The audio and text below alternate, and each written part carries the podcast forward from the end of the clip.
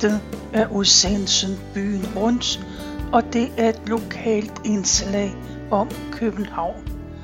Mit navn er Tove Christensen, og jeg har været på hjemmesiden dengang.dk, og der har jeg fundet en artikel, der har overskriften Hotel Hafnia branden. Og der står, den 2. april 1997 døde en 49-årig mand på Centralhuset i Nykøbing Falster. Han bukkede under for en leversygdom. Han efterlod sig intet, heller ingen familie. Hans adresse havde i mange år været Kofodsminde på Lolland. Det var en lukket institution for åndssvage. Hans navn var Erik Solbakke Hansen. Han blev beskyldt og dømt for at være Danmarks største seriemorder. Han var skyld i 38 menneskers død. Her i artiklen så kigger man på, hvad der skete i 1973, og man vil se på, hvad der skete syv år senere på Fanø. I 1986 blev en mand anholdt for at have voldt brandskader for over 138 millioner kroner og to mennesker indebrændt. Vi skal først høre om Hotel Hafnia og dens historie. Hotel Hafnia blev i 1899 indrettet, hvor man forinden havde revet Fabers hus ned. Arkitekt Philip Smith var utrolig aktiv. Han havde stået for adskillige bygninger i Indre By omkring århundredeskiftet. Folk fra provinsen var utilfredse med den behandling, man fik på hoteller i København, men den opfattelse ville Hafnia ændre på. Oprindeligt havde det været en stor vognport på højre side. Hele tagetagen var beregnet til kuskenes overnatninger. Og i 1919 var hotellet overtaget af Herman Seifer Løbbe fra Ronde. I 1919 blev hotellet moderniseret, og det blev det endnu grundigere i 1926, hvor alle værelser fik telefon, rindende varmt og koldt vand. I 1933 fulgte en totalrenovering, der medførte, at hotellet nu fuldt ud levede op til europæiske standard. Købmænd og andre forretningsmænd var stamkunder, og ikke mindst danske og udenlandske sportsfolk. Restaurantens overdådige frokost var populær hos skuespillere og kunstnere. Hafnia lå siden 1949 i hænderne på den kendte hotelmand Marius Nielsen. Han startede som postkortsælger i en alder af 12 år. Han havde den urokkelige opfattelse, at Danmark var det land i verden, der havde de bedste tjenere. Hafnia havde en meget søgt restaurant i stuen og en opvarmet serveringshave, hvor nisseklædt servitricer i juletiden serverede gløk og ristede kastanjer. Midt i gården var der et fiskebassin med fisk, krebs og hummer.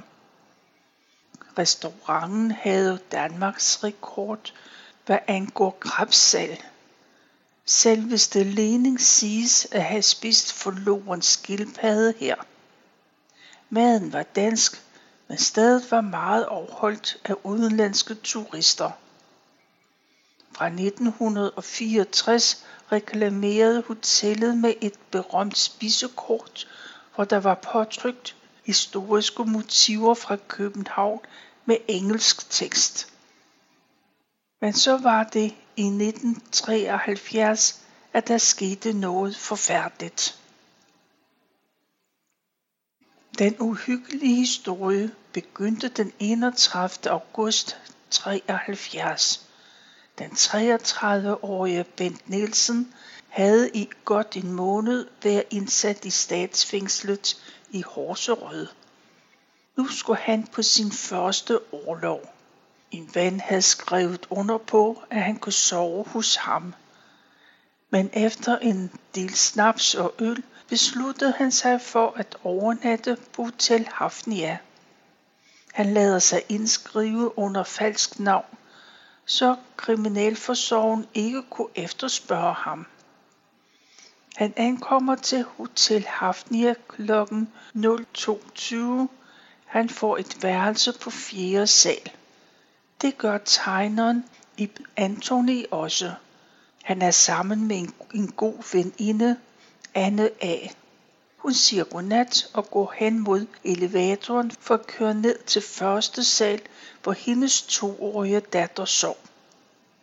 Ingen så en mand, der sneg sig gennem receptionen og gik op på anden sal og ind i et lille tekøkken, hvor han tog en æske tændstikker frem og satte ild til en papirpose. Bagefter gik han samme vej tilbage og forlod hotellet. I alt 85 mennesker overnattede på Hotel Hafnia. For mange var det den sidste nat. På vej ned i elevatoren lugtede Anne af røg. Hun steg ud på første sal og hentede hendes datter, og så gik hun til receptionen og berettede om lugten. Sammen tog de op på femte sal for at gå ned ad trappen, så de kunne lokalisere røgen. På tredje sal væltede røgen ud under døren. Fra receptionen blev der kl. 2.40 ringet efter brandvæsenet. Der var, der var der få minutter efter. Man ville telefonisk vække gæster, men allerede få minutter efter så brød omstillingen sammen. Ole Hansen, som receptionisten hed, gik op og hentede dem, som han kunne på første og anden sal, indtil røgen og varmen tvang ham ud af huset. Alt var kaos i Vestervoldgade. Brandvæsenet kunne næsten ikke få stierne ind i baggården. Ud fra vinduerne hang folk og der var laner fra mange vinduer. Bent Nielsen blev også reddet ud af en stigevogn. Nogle af gæsterne stod på altanerne ud mod gaden. Fra hotellets vinduer råbte gæsterne desperat om hjælp, mens ilden med stor hast åd sig ind på dem. Enkelte gæster kunne flygte ud af hotellets gesims. I gården gik ensomme overlevende fortvivlet rundt og søgte efter familiemedlemmer. Efterhånden kom flere og flere overlevende ud, nødtørftet påklædt. Hafnias direktør, Paul Holst, fik de fleste af dem indkvarteret på forskellige adresser i byen. 35 dybt rystede gæster foretrak at blive i nabobygningen Hotel Kong Frederiks vestibule. De var ikke kommet sig efter chokket. Efterhånden fik de at vide, hvem brandmændene havde fundet i live, og hvem de havde fundet døde. Sluknings- og redningsarbejdet tog det meste af natten. Først omkring klokken 9 om morgenen var rækken af omkomne bragt ud, en efter en, dækket med præsending. 31 af de 35 var udlændinge. På den modsatte side stod en 25-årig mand med tændstikker i lommen. Eller gjorde han? Den store hvidmalede bygning var røgsværtet og med gabende vinduesåbninger i den morgenstille gade. Den skulle aldrig genåbne som Hotel Hafnia. I løbet af lørdagen blev navnene sat på de 35, der blev flammernes bytte, der i blandt tegneren Ib Antoni. og da han havde indlogeret sig med falsk navn, blev han mistænkt. Han blev dog heldigvis reddet af en af Ekstrabladets billedserier, der viste, at han vidderligt blev reddet af en stigevogn, som han hele tiden hævdet. Men han blev i mange år kaldt for morbrænderen fra Hafnia. En brandrapport blev udarbejdet. Ilden var antændt på anden sal af brændbar væske, der var hældt ud på gulvet. På hylden i tekøkkenet stod der også husholdningssprit. Der opstod røggasser, der eksploderede. Flere døre stod åben på anden og tredje og fjerde sal, så ilden fik rigeligt med ilt, så den hurtigt kunne sprede sig. Ilden var antagelig påsat klokken to. En stuepige på 6. sal på Hotel Hafnia var fanget, mens flammerne slikkede op af hotellets facade. Dødemandsknappen på brandvæsenets 31 meter lange stige blev trykket. Det betyder, at så kan den maksimal belastning på stigens kurv overskrides. Brandmanden tog en kollega med, og sammen fik de stuepigen ned, så hun kunne komme på hospitalet. Der var også et forældrepar fra USA, der mistede deres to børn i branden. Var ikke kun hotellets gæster og personale, der blev hårdt ramt den nat. Det gjorde brandmændene også. De fik en hel masse kuldilte i kroppen.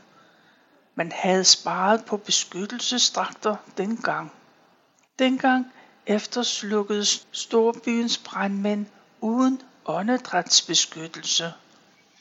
Og inde på hotellet sov de fleste ind på grund af røgforgiftning. Og der skulle gå 14 år, før man fik fat i vedkommende, der havde været årsag til branden. Eller var han det? Få år senere blev bygningen istandsat og ombygget. Hafnia-branden var den største brandkatastrofe i Nørre Kvarter siden branden i juni 1795. Danmark og omverdenen var i chok. Der var tale om en international katastrofe. Fra FBI blev der sendt en specialfly til Danmark fyldt med udstyr. Sagen skulle hurtigt opklares. Hafnias facade blev stærkt forenklet. Den pyntede gavn og spiret forsvandt. I 1980'erne blev Hafnias berømte gårdhave fornyet. Men ejeren fik kun lov til at overdække det med glastag i tagetagen, fordi Københavns brandvæsen var utrygge ved at overdække gårdspladsen i stuehøjde. Hotel Kong Frederik var nu 110 værelser og hører ligesom samme ejers Hotel d'Angleterre til den indre bys fornemmeste overnatningssteder. En anden historie, den er fra den 2. maj 1980, og den indgår også i historien. Det var en varm og solrig dag på Fanø. På den nordlige del af øen var der fyldt med sandede klitter og gryder. Der kunne man sagtens solbade i læ for den kølige vind. Annette Thomsen, der var 15 år, gik ved middagstid til stranden. Hun var iført bikini og havde medbragt sololie, et håndklæde og en bog. 350 meter syd for den asfalterede nedkørsel ved Vesterhavsbadet fandt hun en glitgryde, og der slog hun sig ned. Omkring kl. 14.20 så to piger Annette sidde og læse i glitten. De vinkede til hende, og hun vinkede tilbage. Pigerne var de sidste, som så hende i live. Flere havde set hende ligge der i løbet af dagen. Forældrene var blevet urolige. Datteren var ikke kommet hjem som aftalt. Faren begyndte at lede efter hende. Om aftenen fandt han hende dræbt i klitterne. Rygterne gik hurtigt på fane. Alt tydede på en seksuel forbrydelse. Morderen skulle findes hurtigt. På morstedet blev der fundet en blodig mursten. Om onsdagen fik landbetjenten besøg af en lokal ejendomshandler, den 38-årige Ole Olsen. Han ville bare fortælle, at han havde siddet sammen med en bekendt tæt ved klitgryden, hvor Annette blev fundet. De havde drukket noget øl og var derefter kørt af sted. Han var iført brune frotébukser, og han var to timer hos landbetjenten. To dage efter henvendte Ole Olsen sig igen. Han ville ændre forklaring. Han var kommet i tanke om, at han havde blå bukser på. Han fik at vide, at han skulle komme igen den følgende dag. Det gjorde han så, og var igennem 14 timers forhør. I alt blev 700 mennesker afhørt. Men snart gik sladeren på fane, at det var Ole Olsen, der var morderen.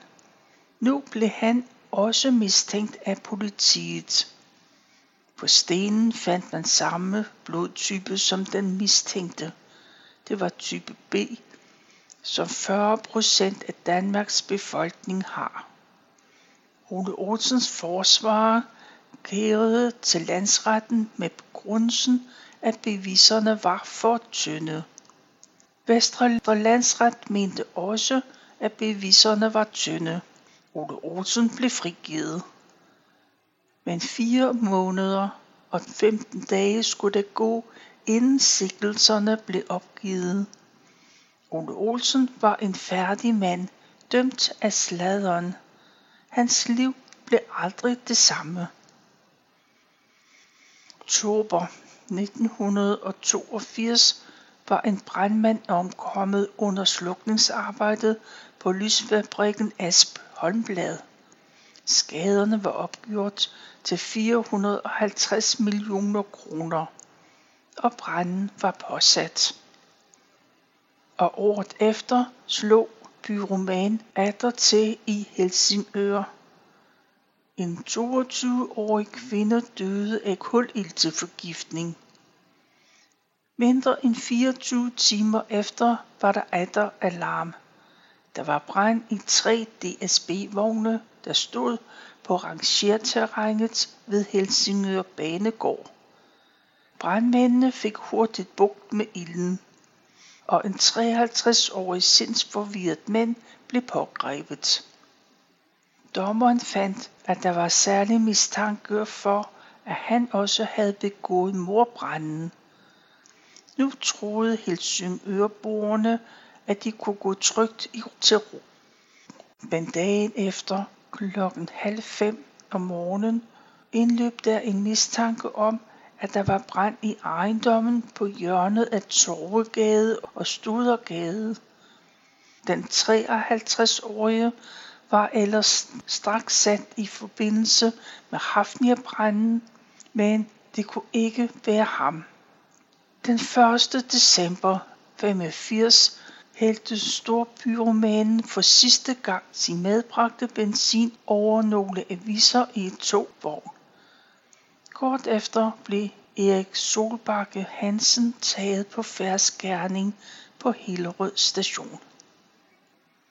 Under forhør om brændende overraskede den 40-årige Solbakke Hansen flere gange politiet ved pludselig at tilstå brænde, man ikke satte ham i forbindelse med.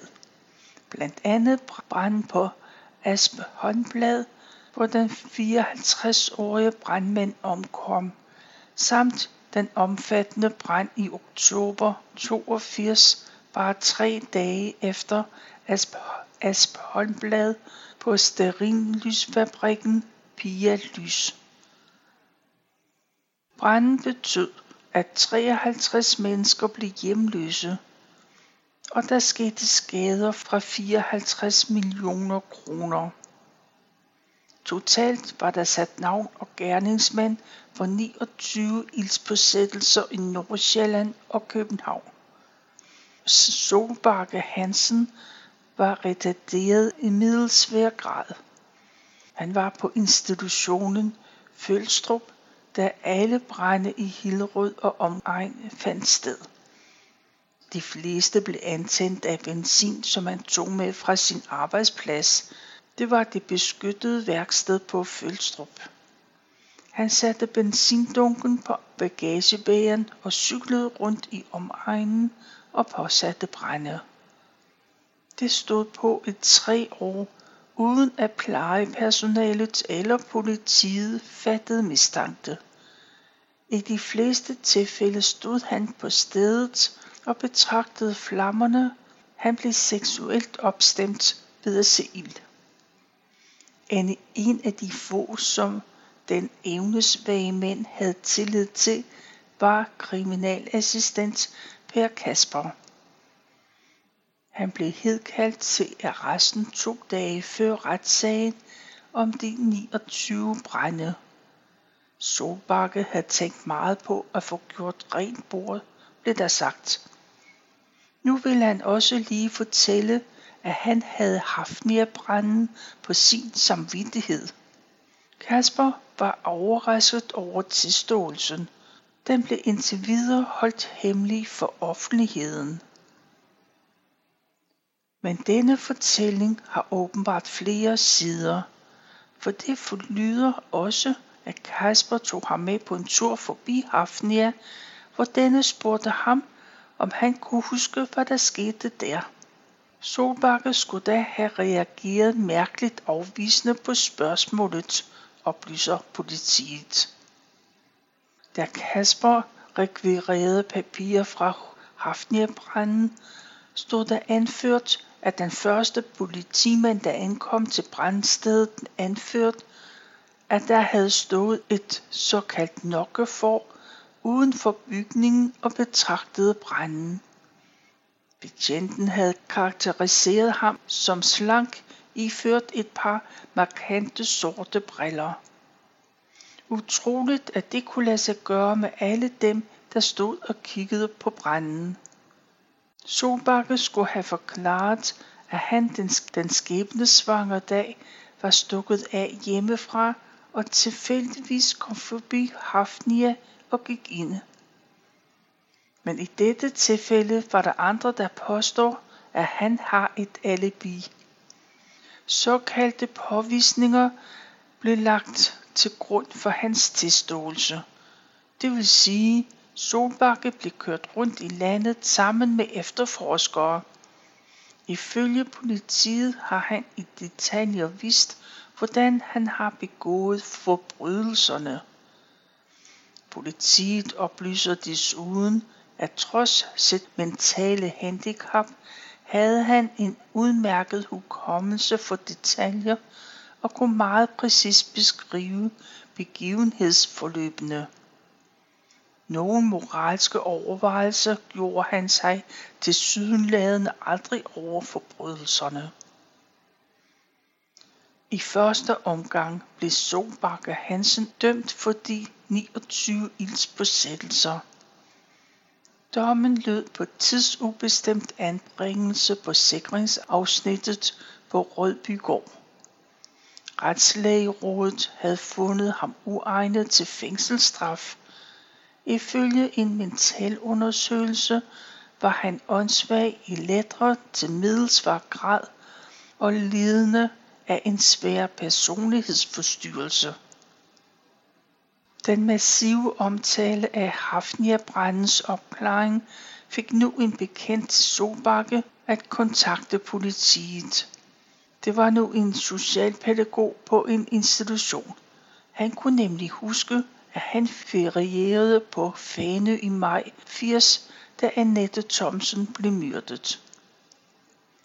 Og Per Kasper havde heller ingen problemer med at få Solbak til at erkende sin skyld. Bid for bid kom tilståelsen. Der gik fire måneder før offentligheden fik besked. Folk troede stadig, at det var ejendomshandler Ole Olsen, der var den skyldige. Men i 87 bekræftede Hillerød politi, at Hafnia pyromanen havde tilstået drabet på Annette Thomsen. Ole Olsen var gået konkurs med sin virksomhed. Han kæmpede i mange år for at få erstatning, men fik aldrig noget, fordi han havde ændret forklaring.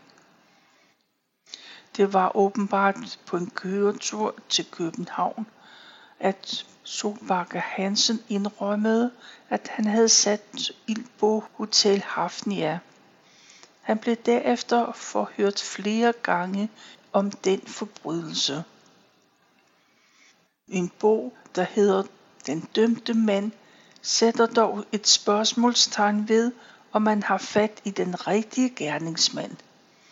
Per K., som forfatteren hedder, han mener, at kriminalassistenten udnyttede sit venskab med Solbakker Hansen for at få tilståelsen ud af ham. Han mener, at der blev manipuleret med den formodede gerningsmand. Erik Solbakkens blodtype fandtes således ikke på den mursten, der dræbte Annette Thomsen. Solbakke påstod, at han havde taget Annettes bog, men politiet fandt aldrig hans fingeraftryk på bogen. Desuden var der slet ingen vidner, som så Solbakke på stranden, selvom han var en mand, man nok kunne lægge mærke til. Han var kajtet med store sorte briller. Per Kasper fik udleveret rapporter fra politiets arkiver med tilhørende farvefotos fra hotellet, så han kan teoretisk have lavet den evnesvage afhørte på rette vej, bevidst eller ubevidst. Ved mindst 12 afhøringer om hovedbranden var de to alene, hverken en kollega til Per Kasper eller Sobakkens forsvarsadvokat overværede afhøringerne. Tilståelsen halter. Hans forklaring blev helt bogstaveligt mere og mere farverig efterhånden som afhøringen skrider frem. I en sen retsmøde oplyser Solbakke faktisk, at han er farveblind, men det blev ikke undersøgt grundigt. Forklaringerne ændrede sig fra afhøring til afhøring. Hvornår fortalte den afhørte Solbakken en væsentlig detalje fra gerningsstedet, og hvornår havde den afhørende Kasper selv fundet ud af den selv samme detalje. I en rapport skriver Per Kasper, at Solbakken fortæller, at han kan huske en bil på Fanø i 1980, da Annette Thomsen blev dræbt. Det er ekstremt godt husket otte år efter. Pludselig var Volvoen grøn. Forfatteren mener, at Kasper har siddet og rettet sine rapporter til. Han er kommet til at skrive, at den er sort. Så ser han på billederne, at den er grøn og retter det til i rapporten. Hvis man så lægger til, at Solbakke er farveblind. Det var om morbranden på Hotel Hafnia og mange brænde i Nordsjælland. Du kan læse om det og meget andet på hjemmesiden dengang.dk.